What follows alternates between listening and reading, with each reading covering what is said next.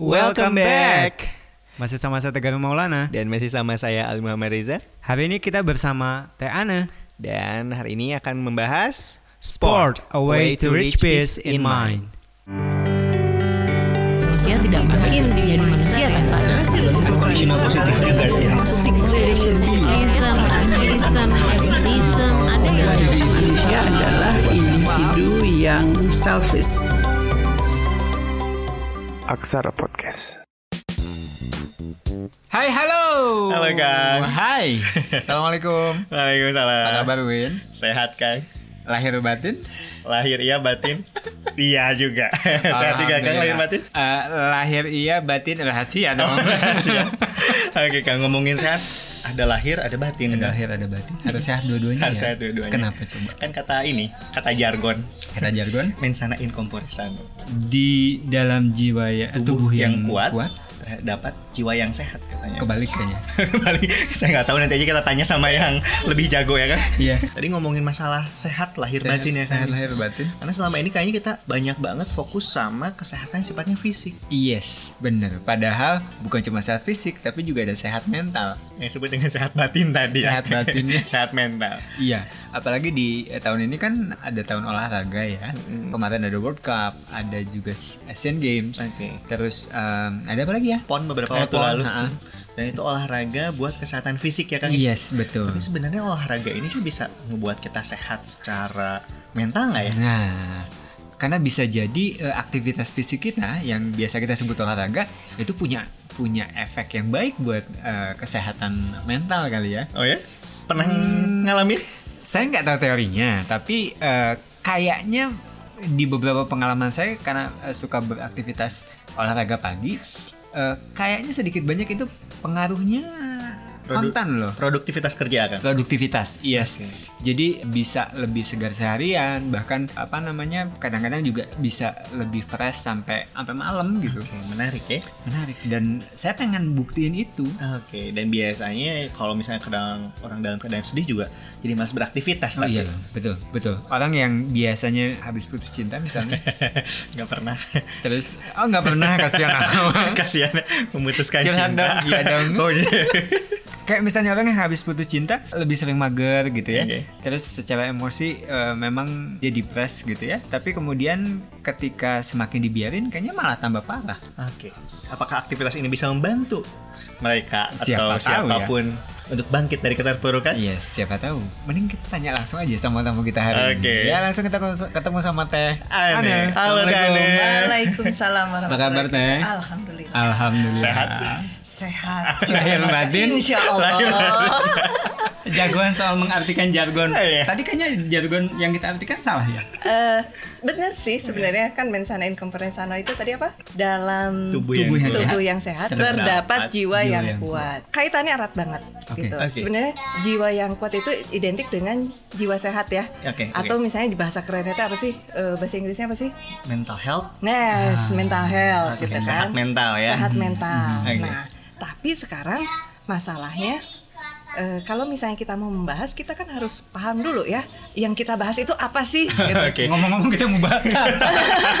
Nah, kita mau bahas apa kita mau gitu? bahas soal Berarti tadi kalau kita bicarakan kan jangan-jangan si kondisi fisik kita, aktivitas fisik kita ini berpengaruh terhadap kesehatan mental ya. Yes, itu. Oke. Sebetulnya itu bicara men- mensana in corpore sano itu seperti itu. Gitu. Oke, bagaimana aktivitas-aktivitas tubuh kita itu mempengaruhi kondisi Kesehatan mental kita. kesehatan Oke, mental. berarti mental kita kalau gitu tergantung dari apa yang kita lakukan sebenarnya teh. Yes, betul banget. Hmm, Jadi kita akan bahas soal gerak tubuh, kita akan bahas juga soal mental health itu apa, Yes. ya kan? Gitu. Siapa tahu ada yang nggak tahu, Saya aja nggak tahu. apalagi saya. Oke, gitu kita tanya aja langsung. Ah, Oke, sekarang kita mau membahas tentang tadi apa gerak tubuh. Kalau gerak tubuh tahu dong. Hmm. Gerak tubuh itu kayak gimana? Ya begini. Oke, bagaimana kita menggerakkan tubuh kita, bener ya? Oke, oke. Nah, Gerak motorik ya. gerak motorik, betul. Nah sekarang mental health, mental, mental health itu apa sih? Kita mau bicara apa sih makhluk apa sih si mental health itu? Ada mental dan ada health. Health, ada sehat gitu. dan ada Iya, mental. Mental yang sehat. Oke. Oke, sekarang mental sendiri apa? Makhluk apa mental itu? Oke, Jangan kamu saya. apa sih mental? Kayaknya narasumbernya bukan saya. gitu ya. Kan aku pengen tahu. Kayak- itu sidang Atau ya. pernah dengar ini nggak? Mental mental juara. Oh iya, suka ada. Kita Eh, punya mental juara mental gitu. baja Atau gitu. kan. sebaliknya ada mental tempe gitu Iya, ya. iya. Nah, itu Oke. bicara apa? Kalau misalnya nggak tahu tentang mental, kita bahas tentang jargon itu. Kita kan tadi bicaranya jargon-jargon Iya, terus iya. ya. Hmm. Oke. Mau ngomongin apa? Mental apa coba? Mental Mental juara lah tadi Mental contohnya. juara. Oke. Menurut kamu mental juara itu yang seperti apa? Waduh. Balik lagi, aku mau Ya. tanya dulu. Yang ketika mungkin dia gagal, dia bisa bangkit lagi dengan Oke. proporsional. Oke, berarti yang tidak memiliki mental juara ketika dia menghadapi kekecewaan, Oke. ketika dia menghadapi kegagalan Oke. atau eh, suatu keadaan di mana tidak sesuai dengan harapannya, susah move on kalau sekarang mah ya. Benar oke, ya? Iya, iya. Ketika dia dalam kondisi susah mo- move on, artinya dia tidak memiliki mental juara gitu Hmm, kan? Oke, kenapa orang misalnya kalau misalnya dia menghadapi eh, kekecewaan, terus susah untuk balik lagi? Biasanya karena apa? Kan orang psikologi juga kan? Oh, aduh dia jadi. Ah, Tahu kan? enggak biasanya kalau misalnya gini, Kang Alvin pengen dapat nilai A Hmm. misalnya, wah udah belajar gitu. Ternyata dapatnya B. Apa yang dirasakan? Biasanya kan gitu kan kalau Oh, iya. psikolog kan gitu. Perasaan kamu apa sih? Apa yang dirasakan gitu ya? Iya. Oke. Rasanya gimana? Kak ceritanya pengen dapat nilai A, Ah, ah, tapi ternyata ini dapat nilai B. Kecewa, teh. kecewa. Terus lama nggak kecewanya? Enggak sih. Oh, susah, salah ya kalau gitu ya. Diputusin pacar. Punya nggak sih? Enggak pernah. Bias, biasanya saya mutusin. Biasanya saya yang Oh, mutusin. aduh, aduh aku salah lagi pertanyaannya ya. Gitu. Karena dia selalu bilang kamu terlalu baik buat aku gitu. Ais. Salah. Oke, tapi biasanya gini, orang bereaksi karena ada yang melatar belakanginya. Oke. Ada memori yang mungkin yang tersirat ya ketika itu kan eh, mungkin waktu masih kecil pada saat dia gagal dimarahin. Oke. Oke. Apa yang dia rasakan? Sedih. Sedih, Oke. merasa tidak dihargai, diabaikan. Anak kecil diabaikan rasanya gimana sih? Ini satu contoh. Itu kan balik lagi ke memorinya. Oke. oke. Itu yang membuat dia akhirnya terhambat untuk Oh. maju lagi karena ada beberapa hal yang terjadi. Ada memorinya, ada persepsinya. Oke. Oke, kayak tadi merasa diabaikan itu kan persepsi kan? Oke, iya. Terus apa lagi ya? Bagaimana cara dia berpikir? Bagaimana melihat diri? Oke. Akhir- akhirnya dia melihat eh, karena dia gagal sekali dimarahin, iya ya. Gua misalnya saya bodoh, misalkan dari eh, omongan gitu kan? Jadi kayak me- mengevaluasi lagi konsep dirinya dia, Yes. bukan mengevaluasi. Jadi kayak mengamini konsep dirinya dia kali ya. Iya. Dan ada asosiasi sama pengalamannya sebelumnya. Iya, itu yang terjadi. Nah, pada saat kita melibatkan persepsi, memori dan sebagainya dan lain-lain. Call gitu ya. Hmm, itu yang bekerja apa sih? Itu ada di mana sih ranahnya? Kognisi kita. Kognisi. Jadi sebetulnya kalau misalnya mental itu itu adalah proses kognisi kita. Oke. Berarti Oke. tadi kalau Oke. bahasa Anda bah memori, Iya. persepsi, sensasi kita terhadap sesuatu. Iya, analisa kita Oke. jalan kan. Semuanya itu yang membangkitkan bagaimana dia akhirnya berpikir, gue bisa move on atau enggak nih? Oke. Bisa itu yang membuat atau- lama enggaknya. Iya. gitu mau di eh, mau dibuktikan kalau pikiran mempengaruhi tubuh kita Waduh. Yang bukti ya. nih aku eh, ya maksudnya gini kalau misalnya saya ngomong-ngomong tanpa pembuktian kan pasti oh iya iya tapi kan akan keyakinan kita akan berkurang jadi saya ingin dengan gerakan yang sederhana aku bisa membuktikan Oke. kalau pikiran bisa mempengaruhi tubuh kita oke coba deh ayo siapa nih yang mau jadi relawan Nanti kan saya. Kang Tegar ya, oke Kang Tegar. Kang Alwin, aku minta tolong ya, nanti dibantu Kang Tegarnya. Oke, Kang Tegar. Nah sekarang coba julurkan tangannya. Eh pegang HP nggak? Enggak. Nggak, nggak ada HP ya? Oke. Tangan kanannya, mau tangan kanan atau tangan, tangan kiri? Yang paling kuat tangan kanan. Oke, Pak tangan kanan. Tangan kanannya coba digenggam kuat.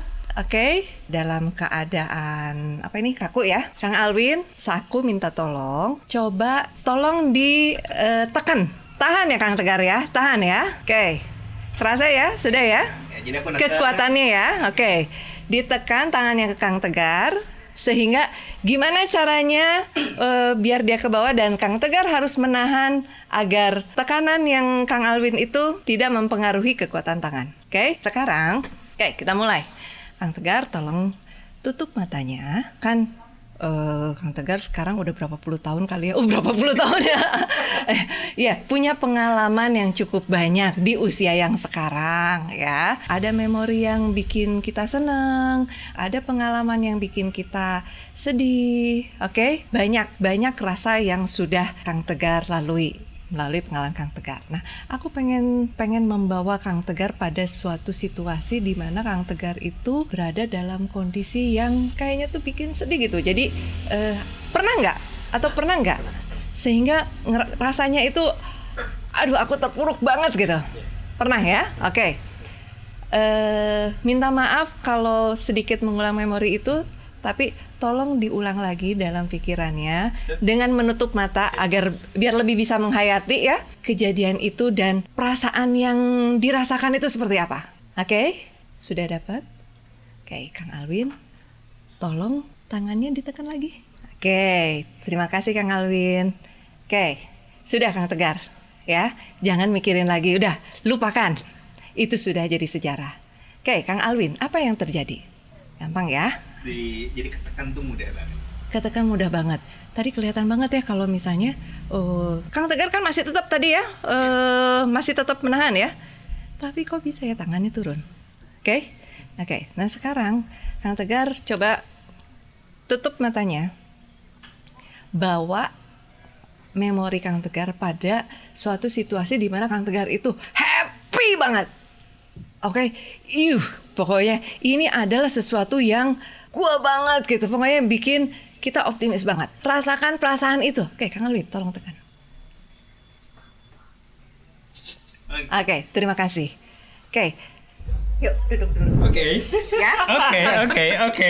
Wow. Kang Alwin. Wow. Wow. Aku mau tanya. Pada saat dia berpikir tentang hal yang sedih, sempat turun nggak? Iya. Ya? Iya, tadi Saya sempat merasakan juga, saya merasakan dia. Sempat turun ya? Sempat turun. Oke, pada saat dia mem- eh, me- apa membayangkan sesuatu yang menyenangkan gitu, Iya.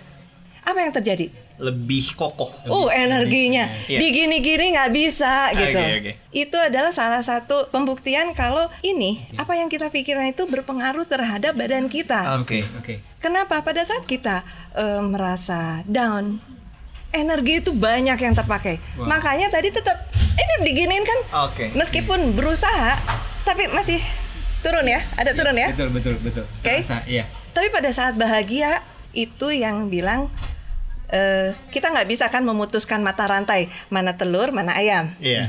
Oke, jadi saya nggak bisa memutuskan. telur dulu apa ayam dulu gitu Ah, ya. Hmm, oke. Apakah pikiran yang mempengaruhi tubuh, Tubuh. atau tubuh yang mempengaruhi pikiran? Dua-duanya saling berhubungan. Saling berhubungan. Tapi sekarang kita lihat by case. Oke. Intervensi yang mana yang harus kita lakukan pada saat susah move on? Oke. Apakah intervensi ininya dulu atau raganya dulu? Oke. Oke, oke. Eh, Mungkin contohnya Oke. kalau misalnya kita lagi lagi stres di pekerjaan Hmm. atau eh, lagi mumet banget sama tugas-tugas kuliah gitu ya, Hmm, dan kemudian kita kayak aduh mager banget nih gitu, malas Ah. malas ke mana-mana lah, malas Hmm. olahraga lah, itu berarti dengan kata lain bisa bikin eh, rasa malasnya terpelihara dengan baik kali ya. Karena Oh, nggak iya. ke mana-mana gitu. ketika kita memaksakan Oh, gitu iya. kan memaksakan ini ini kita lagi bete nih ini emosi lagi nggak bagus banget Oh, iya. gitu tapi kita memaksakan gua baik gua baik gitu Oke. gua baik apakah terus menjadi baik yang ada frustasi Frustrasi.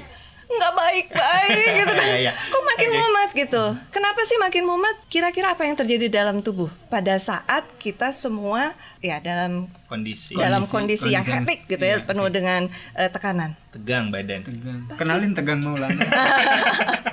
Oke. Oh iya, iya, iya, benar, benar, benar, benar. nah, itu tuh fung- eh, yang ada dalam diri ini semuanya kaku. Iya. Oke. Aliran darah tidak lancar. Degup Jadi mau di jantung juga ya? degup jantung juga. Pada saat kita tegang, apakah kita bisa berpikir dengan jernih? Hmm, no. Enggak. Buru-buru ya. Enggak. Jadi kalau pada saat gitu udah tinggalin aja olahraga. Oke. Oke. Sebenarnya apa hubungannya olahraga? Eh, kalau tadi kan Nah, pikiran yep. dengan badan. Gerak tubuh, oke. Ya. Oh, balik lagi eh, kalau misalnya lagi tadi hectic, suka pegel-pegel nggak ini? Oh iya benar. Oh iya. Itu Iya, iya. salah satu indikasi ketegangan. kolesterol naik. Nah. Tiba-tiba mah. lapar terus Lapar gitu. terus, Eh, ngantuk ngaruh sih terus. sebenarnya? ya ngantuk. Kadang-kadang ngantuk ya gitu, nggak bisa gitu. ngerjain apa-apa gitu kan. stuck gitu Yes.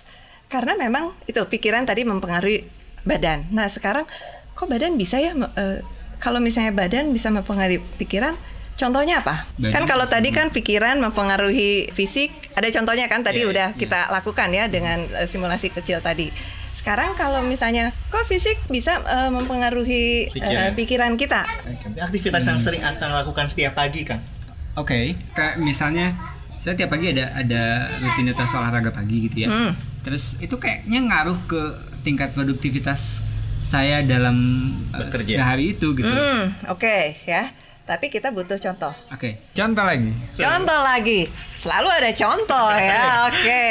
Sekarang ini siapa nih? Mau Kang Tegar lagi atau tetap Kang Alwin? Yang tegar lagi. Kang Oke, Tegar lagi. oke. Memang paling enak ya Kang Tegar itu ya.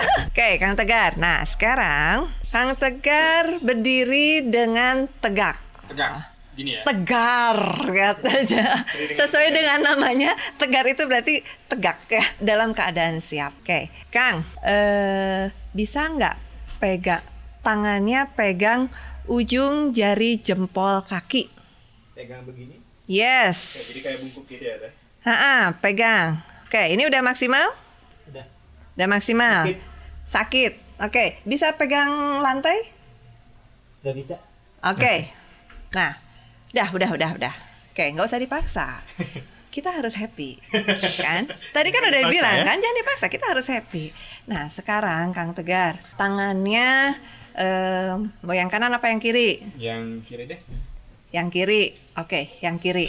Oh, yang kiri ngekepal ke depan gitu, Teh. Oke, ya. Tangannya dijulurkan sama kayak tadi di kepal. Oke, lihat satu titik. Maksudnya lihat ke depan, fokus satu titik aja.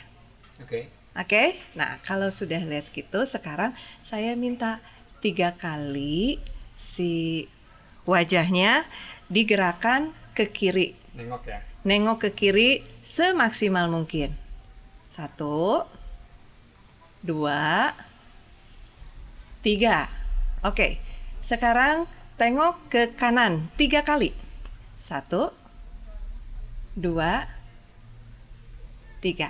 Oke, nah, oke. eh, sekarang tangannya ke bawah kan? Itu tadi tangan kiri, sekarang tangan kanan. Sama seperti tadi. Fokus pada satu titik, oke. Kemudian gerakan kepalanya ke kiri tiga kali, ke kanan tiga kali. Satu, dua, tiga. Oke, sekarang ke kanan. Satu, dua, tiga. Oke, dah ya.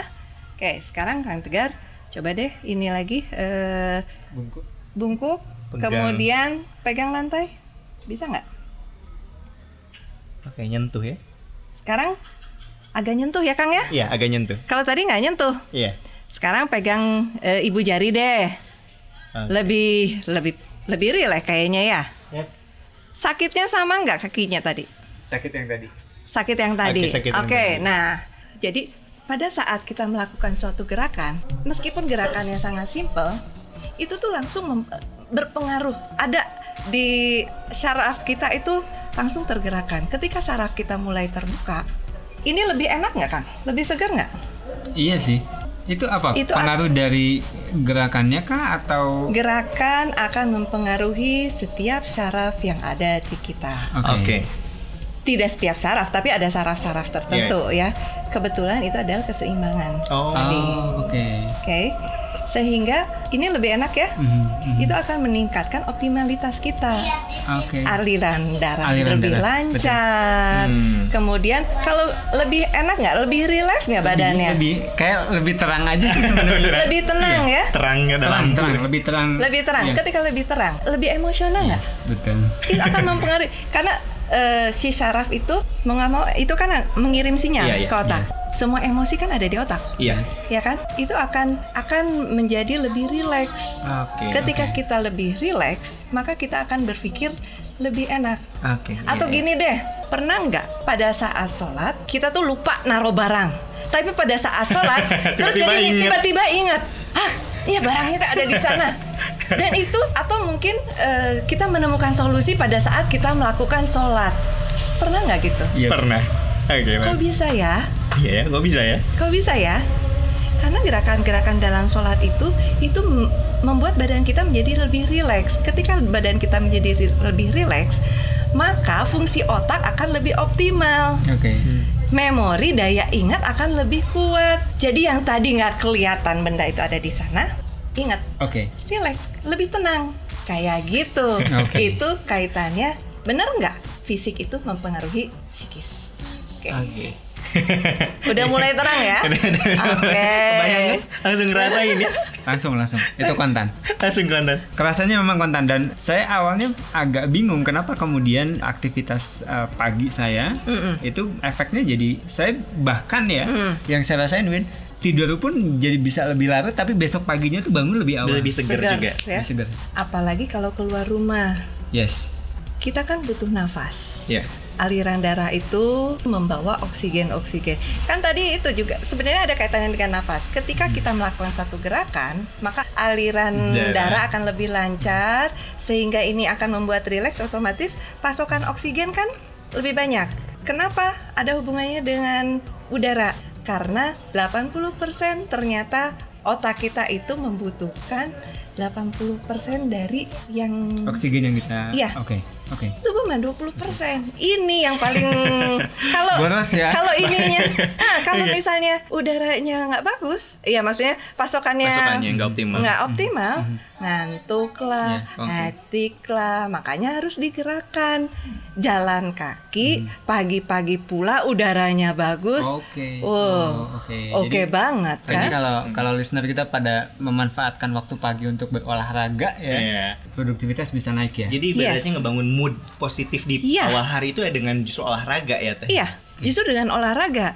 Justru kalau misalnya kita lagi eh, bete, Sedih. sedih, Iya. jangan tidur, jangan diem. Oke. Karena bukan menyelesaikan masalah, bukan olahraga. Oke. Eh, Mau olahraga yang maksudnya Oke. serius ya Oke. ke tempat fitness atau enggak? Iya, dan eh, ini mungkin yang Hmm. perlu kita luruskan bahwa eh, sebagian orang ngerasa perlu me- mengikuti apa kata emosinya. Misalnya lagi tadi lagi sedih, lagi bete, lagi Iya. pusing, lagi nggak pengen ngapa-ngapain, terus dia diem. Ternyata itu nggak ngefek apa-apa ya. Ya, Justru yang lebih efektif adalah dengan kita membuat gerakan. Saya jadi ingat podcast yang episode sebelumnya bahwa motion create emotion itu benar ya. Iya. Dan Yes. bagaimana kemudian si gerakan-gerakan olahraga ini secara langsung mempengaruhi eh, Kondisi emosional. kondisi kondisi Kondisi emosional kita. psikologis kita. Yes, makanya ada sebenarnya psikologi olahraga itu bukan cuma atlet aja enggak. Oke, oke, Sebetulnya oke. ini loh gitu.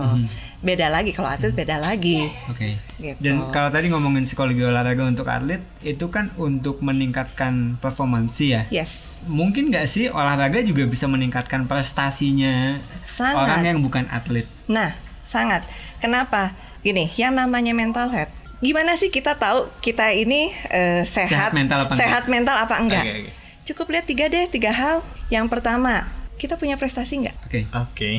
Karena orang yang sehat mental biasanya dia punya harapan-harapan, punya keinginan, dia optimis. Oke. Prestasi itu bukan berarti dia harus dapat medali, dia harus itu. Hmm. Enggak, tapi dia bisa mencapai apa yang diinginkannya. Yang jadi Baik itu. harapannya ya. Ya, apa yang Baik diharapkannya. itu short term goal ataupun Yes. long termnya ya. Yes. Oke. Oke. Oke. Yang pertama itu, yang kedua bagaimana dia interaksinya dengan orang lain. Interaksi Oke, sama interaksi orang lain. orang Ya, eh, kalau misalnya dia orang yang sehat mental, nggak ada tuh marah-marah. Oke. Kenapa? Ya, Karena dia terjaga. masih sakit mental. Karena dia Senggol terjaga. bacok. Ah, ya senggol bacok kayak gitu ya. Nah, artinya itu kan eh, ada sesuatu. Kayak kalau misalnya kita tidak tidak bisa intervensi ini, oke kita intervensi dari raganya. Oke. Lebih mudah kan? Dari raga baru nanti ini pun harus tetap Oke. gitu. Nah itu interaksi bag- eh, dengan lingkungannya. Nah yang ketiga, kalau dia punya waktu luang, dia ngapain sih? Dia cari peluang lain atau dia tidur atau dia diem? Oke, nggak ngapa-ngapain misalnya. Yes. Ya, atau ngelamun-ngelamun bego mungkin. Ah, ngelamun-ngelamun bego. Kenapa ini? Emang kenapa kalau ngelamun-ngelamun bego? Kan pertanyaan gitu Iya, kan ya. iya, iya. Kalau misalnya orang yang pasif dengan aktif biasanya lebih optimis atau lebih optimal yang mana? Lebih lebih apa ya? Lebih bahagia yang mana? Yang aktif, Aktif. ya. Yang aktif. Udah tiga hal itu aja dulu. Oke. Oke, berarti tadi yang pertama adalah Prestasinya. Prestasi ada apa enggak, kemudian interaksi sama orang, Mm-mm. kemudian bagaimana memanfaatkan waktu luang. Oke, Ya? memanfaatkan Gampang kan? Oke. itu bisa kita lihat dengan kasat mata atau kita bisa eh, da- di buku harian deh gitu. Iya. Eh, begitu kita tidak mencapainya, kita bisa move on lagi dengan cepat atau enggak. Kalau Oke. misalnya lama, eh, berarti Oke. something wrong. Aduh. Kayaknya menarik untuk menjadikan tiga ini sebagai sebagai habit baru sebagai ya, habit baru. sebagai habit baru. Nggak langsung Dan- mengevaluasi diri. Terus gimana ya? Iya, jangan-jangan yang satunya ini gitu. Iya. loh. Mungkin gak sih setiap hari kita bikin bikin goal kita harus ngapain gitu? Untuk Eh. kemudian kita bisa menjadikan tiga ini sebagai habit ya. Sebetulnya capek ya kalau misalnya setiap hari bikin goal. Tapi kalau misalnya gini, artinya kalau kita setiap hari bikin goalnya, kita mau nyapai apa sih? Mau ngapain Oh, sih? Oke, Oke, oke. oke. Iya. Nggak jelas kan? Oke, betul betul. betul. Tapi kalau begitu kita punya goal yang jangka panjang, Oke. jelas kan ada yang mau kita tuju kan? Mhm. Semangat dong. Oke. Baru kita bikin goal-goal kecil. Oke. Milestones-nya. Oke. Yes, kayak gitu. Jadi eh, saya takutnya kalau misalnya oke setiap hari harus gini, bagus. Tapi kamu mau ke mana? Arahnya Nanti itu. capek. Ini ini beda lagi. Ini adalah kita bicara tentang perencanaan. Oke. Oke, berarti tadi prestasi itu bagaimana dia akhirnya bisa mampu mencapai Yes. apa yang akhirnya dia rencanakan. Kalaupun enggak, tadi dia kembali bisa bangkit dengan Iya. Yes. proporsional. Dengan gitu. mengingat si goal yang jangka panjang Iya. itu kemudian hari ini mau malas nggak jadi deh gitu ya. oke, oke. Mau bolos les nggak jadi Nggak deh jadi gitu. Iya Kayak gitu ya. Iya, dengan goal yang panjang, artinya kan ada sesuatu yang ingin dicapai. Iya. Artinya ketika dia gagal, dia harusnya eh, mikirnya gini, kenapa ya gue gagal? Jadi kegagalan itu justru jadi evaluasinya. Iya, iya. Hikmah apa? Oh, saya kalau ujian itu SKS, pantesan capek. Padahal tubuh kita itu punya jamnya Jam. sendiri. Yes. Yang Pada saat dia begadang, artinya kita udah ngomongin tentang tadi kan mental health itu berhubungan dengan proses kognisi Iya, iya, iya. ya otak. Pada saat begadang itu kan manusia punya jam-jam sendiri.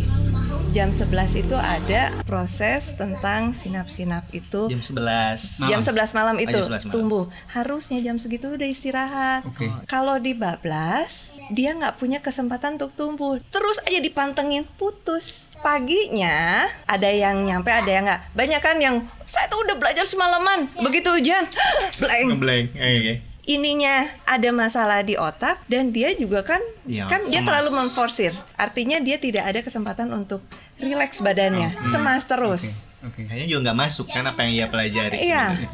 sebenarnya. Mungkin masuk, tapi pada saat kita Oh, iya. pegang Pegang.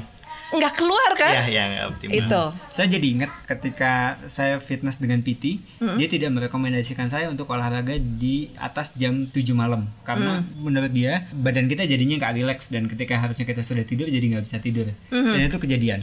So eh, saya jadi pengen tanya sebetulnya the best time buat kita melakukan aktivitas-aktivitas fisik yang eh, energizing itu di jam berapa sih teh?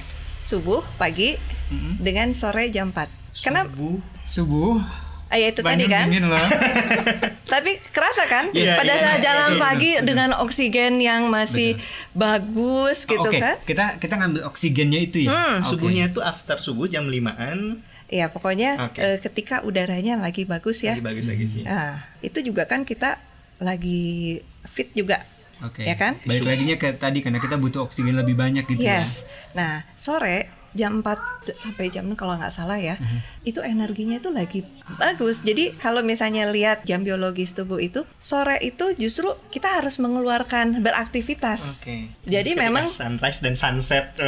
Iya, iya benar gitu. Justru malam itu dipakai istirahat. Oke. Langsung langsung Mengevaluasi diri.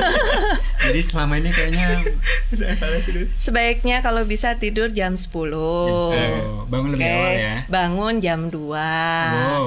Oke, siap. Enggak, daripada begadang. Oh. Daripada begadang mending di-cut. Oh, kalau Oh, misalnya mau oke, belajar oke, atau. Yes. ada tugas apa Iya. gitu. Kenapa bangunnya jam 2 gitu? Kenapa jam 10?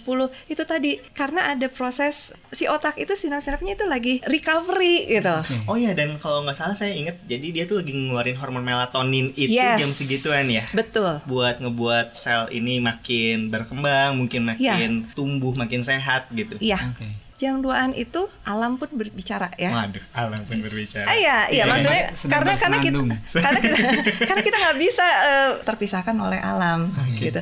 Makanya kalau di Islam kan saat sholat tahajud itu adalah eh, sepertiga malam gitu. Kenapa sih sepertiga malam? Gerakan-gerakan sholat, kemudian kondisi alam itu saling berpengaruh. Ini otak kita itu itu lagi seger-segernya. Oke, oke. Dini Gitu, hari ja- itu ya. Iya, jadi mendingan ngapalinnya ya udah dari jam segitu. Tapi Dan- jangan lupa tidur. Dan satu lagi air putih. Ah, Oke. Oh, air putih. Kita butuh banget air putih. Kalau bisa ya setiap setengah jam sekali lah. Kalau lagi belajar ya. Hmm. Gitu. Atau misalnya lagi kerja juga, Iya. lagi aktivitas apa pun Iya. yang membutuhkan energi Iya. lebih mungkin ya. Ya, betul. Balik lagi ke masalah tadi soal tidur, eh, kayaknya kita masih terjebak bahwa kita harus tidur tidur yang cukup itu adalah 8 Delapan jam. jam. sehari gitu ya. Tetapi sebetulnya untuk yang sudah lebih dewasa itu jadi lebih kurang kah atau Eh, ya mungkin bagusnya seperti itu. Tapi kan ini kan situasional ya. Oke. Oh, Oke, situasional. Jadi sebetulnya si psikologi olahraga ini eh, siapa aja sih yang bisa memanfaatkannya? Semuanya, semua Oke. orang. Psikol nah sekarang oke, tadi kita sudah ngomong tentang mental health. Kita balik lagi. Kenapa ada psikologi olahraga? Jadi psikologi olahraga itu adalah melihat perilaku seseorang pada saat dia berolahraga gitu. Makanya sering kali dikaitkan dengan atlet. Karena kan jelas ya, kelihatan ya. Aktivitas ada- olahraganya lebih sering gitu. Yes, gitu. Oke. Tapi sebetulnya tidak seperti itu kan ada sport science. Ya. Itu itu kan sebetulnya mempengaruhi kejiwaan kita. Sebetulnya itu sih. Oke, dan yang Gitu. bayang kalau tadi boleh kita wrapping, akhirnya kita dapat suatu kesimpulan bahwa memang kondisi mental kita, psikologis kita sangat dipengaruhi oleh aktivitas tubuh Ya. kita ya. Mhm. Dan jangan-jangan kalau lagi sedih malah diem di kamar terus, malah justru itu makin membuat itu Makin sedih. membuat dia sulit untuk move on. Oke, tapi Oke. ketika beraktivitas itu akan lebih meringankan Akan beban-beban lebih emosional. meringankan, iya. Jadi kalau- Atau misalnya kalau gini, nggak puas nih, tapi aku kan sedih. Oke, lu sedih. Mau nangis, oke. Sejam ya nangis, nangis aja. Udah nangis, udah dong. Masa nangis mau berjam-jam? Nggak ada dong ini juga kan. Nah, oke kalau udah itu, terus lu mau terus nangis terus atau mau mau berbuat eh, sesuatu yang sesuatu lebih eh, gitu. positif dan aktif. Pernah dengar nggak? Sebenarnya musuh terbesar kita itu siapa sih? Katanya kan Diri kita sendiri. diri kita sendiri. Kenapa? Kenapa dibilangnya musuh musuh terbesar itu diri kita sendiri? Karena yang paling menghambat eh, kita buat berkembang itu diri kita sendiri. Yes. Kita yang suka menzolimi diri sendiri. Yes. Kayak Oke. tadi aja dibiarin berlarut-larut. Padahal kan sebenarnya ketika menggerakkan itu moodnya udah beda. Oke, so apa yang harus kita lakukan untuk bisa memulai aktivitas-aktivitas ini menjadi eh, Habit. sebuah habit? Sebuah habit. Oke. Habit itu kan adalah suatu kebiasaan. Kita mulai dari yang ringan dulu deh. Kayak misalnya setiap pagi kita biasakan setengah jam untuk berjalan kaki. Oke, berjalan kaki aja ya. ya berjalan kaki Oke. gitu atau kalau misalnya aduh ini harus nyiapin ini harusnya susah gitu kan untuk yang muslim coba deh gerakan sholatnya yang benar Ah, Oke. Sesimpel itu sebenarnya. sebenarnya simpel Oke. lima kali sehari itu udah cukup Tapi kadang itu yang dilupakan. Iya. yes kadang-kadang kan lima menit cukup ya sholat ya gitu. padahal kalau benar. Kayaknya buat yang muslim harus mulai berpikir bahwa sholat itu bukan sekedar aktivitas ritual, tetapi aktivitas fisik yang kemudian eh, dampaknya ke mana-mana, yes. Ya.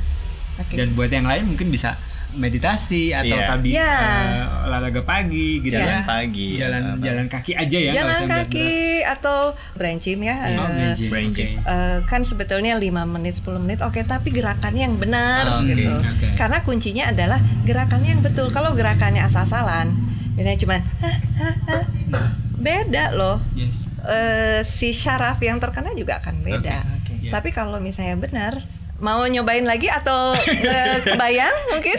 Bayang sih. Bayang-bayang sih. Udahlah kebayang aja ya gitu.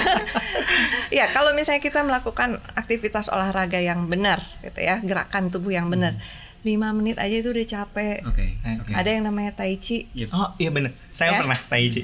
ada yang namanya tai chi. Gerakannya lambat banget Lama ya. banget, tapi itu capek banget. Capek banget. Capek banget. Tiba-tiba berkeringat padahal cuman dalam tanda kutip pelan gerakannya. Tapi Iya. itu keringatnya Atau Setelah selesai apa yang dirasakan? Tapi capek awalnya, tapi awal kesannya seger sih. Seger banget gitu. Jadi Mungkin sama seperti saya, saya eh, pilates ya beberapa kali. Ush, Eh, hebat. apa namanya main body and soul-nya kan memang Yes. dipakai ya. Iya, iya, Eh, iya. Bagaimana kita melatih otot-otot tertentu dan itu juga kerasanya memang panas. Oke. Panas di otot-otot yang kita latih itu. ya, ya, Ya. seperti itu gitu.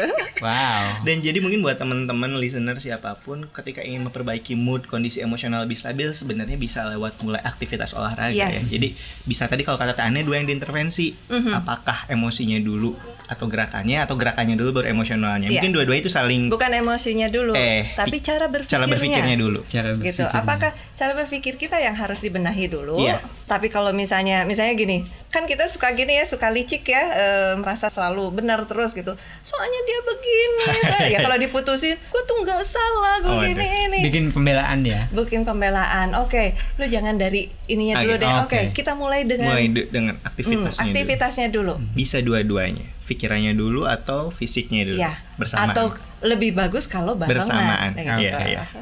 Oh, Oke. seru ya obrolan hari ini ya. Seru Dan kan? eh, mudah-mudahan eh, bisa bikin eh, semua yang mendengarkan podcast ini eh, menjadi sadar bahwa memang aktivitas fisik itu bisa berpengaruh Iya. banyak sama kesehatan mental. Jadi insana men apa mensana Mensana Mensana in in itu bukan cuma sekedar jargon tapi memang sesuatu yang secara ilmiah pun terbukti ya. Iya, sebetulnya itu artinya tuh dalam banget. Artinya dalam. Tapi sekarang udah jarang ya kita dengar itu ya. Iya iya iya. Kalau dulu kan saya nggak tahu ya kalau zaman saya dulu Sama zaman setiap- Kang Tegar. Nah, Mohon maaf kita beda zaman ya.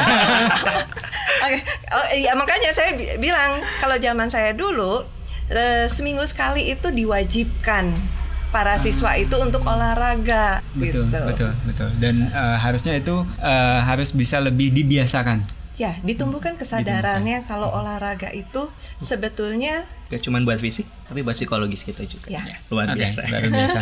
Langsung besok main olahraga. Langsung besok pagi olahraga lagi ya. Karena lagi eh Oh mumet. iya. Dan ini juga penting tadi salah satu yang perlu kita note bahwa uh, kalau lagi mumet, lagi pusing apa segala macam, coba lakukan aktivitas fisik yang Ya. kemudian bisa bikin kita lebih rileks. Ya, tinggalin deh, nggak usah terus mikirin Oke, itu gitu. oke, Kalau misalnya atau misalnya kalau lupa, nggak usah diingat-ingat. Aduh di mana di mana, udah, udah lupain aja gitu. Mau sholat atau mau Aktivitas melakukan lain. gerakan-gerakan, bikin tubuh kita itu rileks melalui sebuah aktivitas Fisik. Fisik. Mhm. Maka ketika kita rileks, kita ini akan lebih jernih. Oke. Oke. Dana, terima Ya, kasih sudah sama-sama. berbagi Ber- soal psikologi olahraga. Iya, pentingnya olahraga, Pentingnya pentingnya, olahraga. aktivitas. Mungkin Iya. sebelum kita tutup, Tanya boleh menyimpulkan dulu. Ya untuk para listener, Oh, ya, Para ya, oke ya, gitu. Oke. Ya, jadi jangan lupa untuk berolahraga setiap pagi karena olahraga itu sangat besar pengaruhnya untuk kita.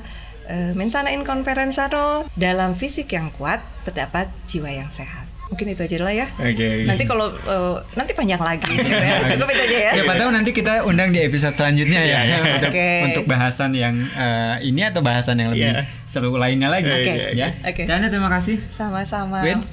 Ya, apa? Mudah-mudahan mudah-mudahan berguna ya. Oh, ini. iya. Dan ini kayaknya menginspirasi banget buat kita khususnya bagaimana kita justru mengawali kondisi hari ini supaya Iya. moodnya bagus itu justru dari Dengan fisiknya olahraga. dulu dengan Yes, olahraganya. yes. Salah satunya itu. Oke Win, Eh, seru banget obrolan kita hari ini. Oke. Eh, kita ngomongin soal eh, olahraga atau aktivitas fisik dengan eh, kesehatan, Kesehatan mental. mental kita. Ada beberapa poin yang kita bisa simpulkan di Oke. obrolan kita hari ini. Oke. Yang pertama soal ternyata ada pengaruhnya antara aktivitas fisik dengan eh, kondisi, Kondisi. mental kita, kesehatan, Kesehatan mental kita. Artinya ketika memang kita ingin mentalnya secara mentalitas sehat, mungkin bisa bermula dari Yes. aktivitas yang positif dan sehat juga. Intinya kalau kurang eh, ngerasa kurang sehat mentalnya, coba kita eh, approach-nya dengan memperbanyak Oke. aktivitas fisik. Seperti olahraga yang benar dan teratur mungkin ya kan. Betul. Nah, kita ngomongin eh, kesehatan mentalnya, kalau kurang atau cukupnya itu kita bisa tahu dari tiga Tiga indikator. indikator. Yang pertama adalah soal bagaimana prestasi kita, eh, Pencapaian. apakah kita punya prestasi atau enggak. Yang kedua adalah bagaimana interaksi kita sama orang-orang sekitar. yang ketiga, adalah soal bagaimana kita memanfaatkan waktu luang kita. Oke. Hati-hati tuh di tiga poin itu ya. Tiga poin itu kita harus, coba evaluasi ke dalam diri. Yes, Gimana betul. tiga poin tersebut? Dan pada intinya kalau kita mau mulai eh, membiasakan aktivitas fisik, mulailah dari hal-hal yang sederhana. Jalan kaki 30 menit itu cukup. Cukup ya. Ya. At least ketika sudah terbiasa mungkin itu bisa kita lebih improve lebih baik. Yes, betul. Siapa tahu setengah jam jadi terasa kurang, ditambahin jadi satu jam, jadi 90 Kerasa menit. manfaatnya secara psikologis. Terasa, gitu. karena biasanya kontan kalau yang kayak gitu. Dibayar tunai. Dibayar tunai. Oke, Oke. terima kasih sudah mendengarkan episode eh, kali ini. Semoga apa yang tadi kita udah sharing dengan Teh An bisa memberikan inspirasi khususnya untuk memulai aktivitas yang lebih positif lagi. Yes, dan kebiasaan yang lebih baik lagi. Oke. Dan kesehatan mental terutama. Oke, Ya? demi kesehatan mental kita ya. Yes, betul. Selamat menjadi orang-orang yang sehat mental. Akhirnya Alvin Muhammad Reza pamit. Dan Kang Tegar juga undur diri. Sampai jumpa di episode selanjutnya. Oke, Dah. dadah.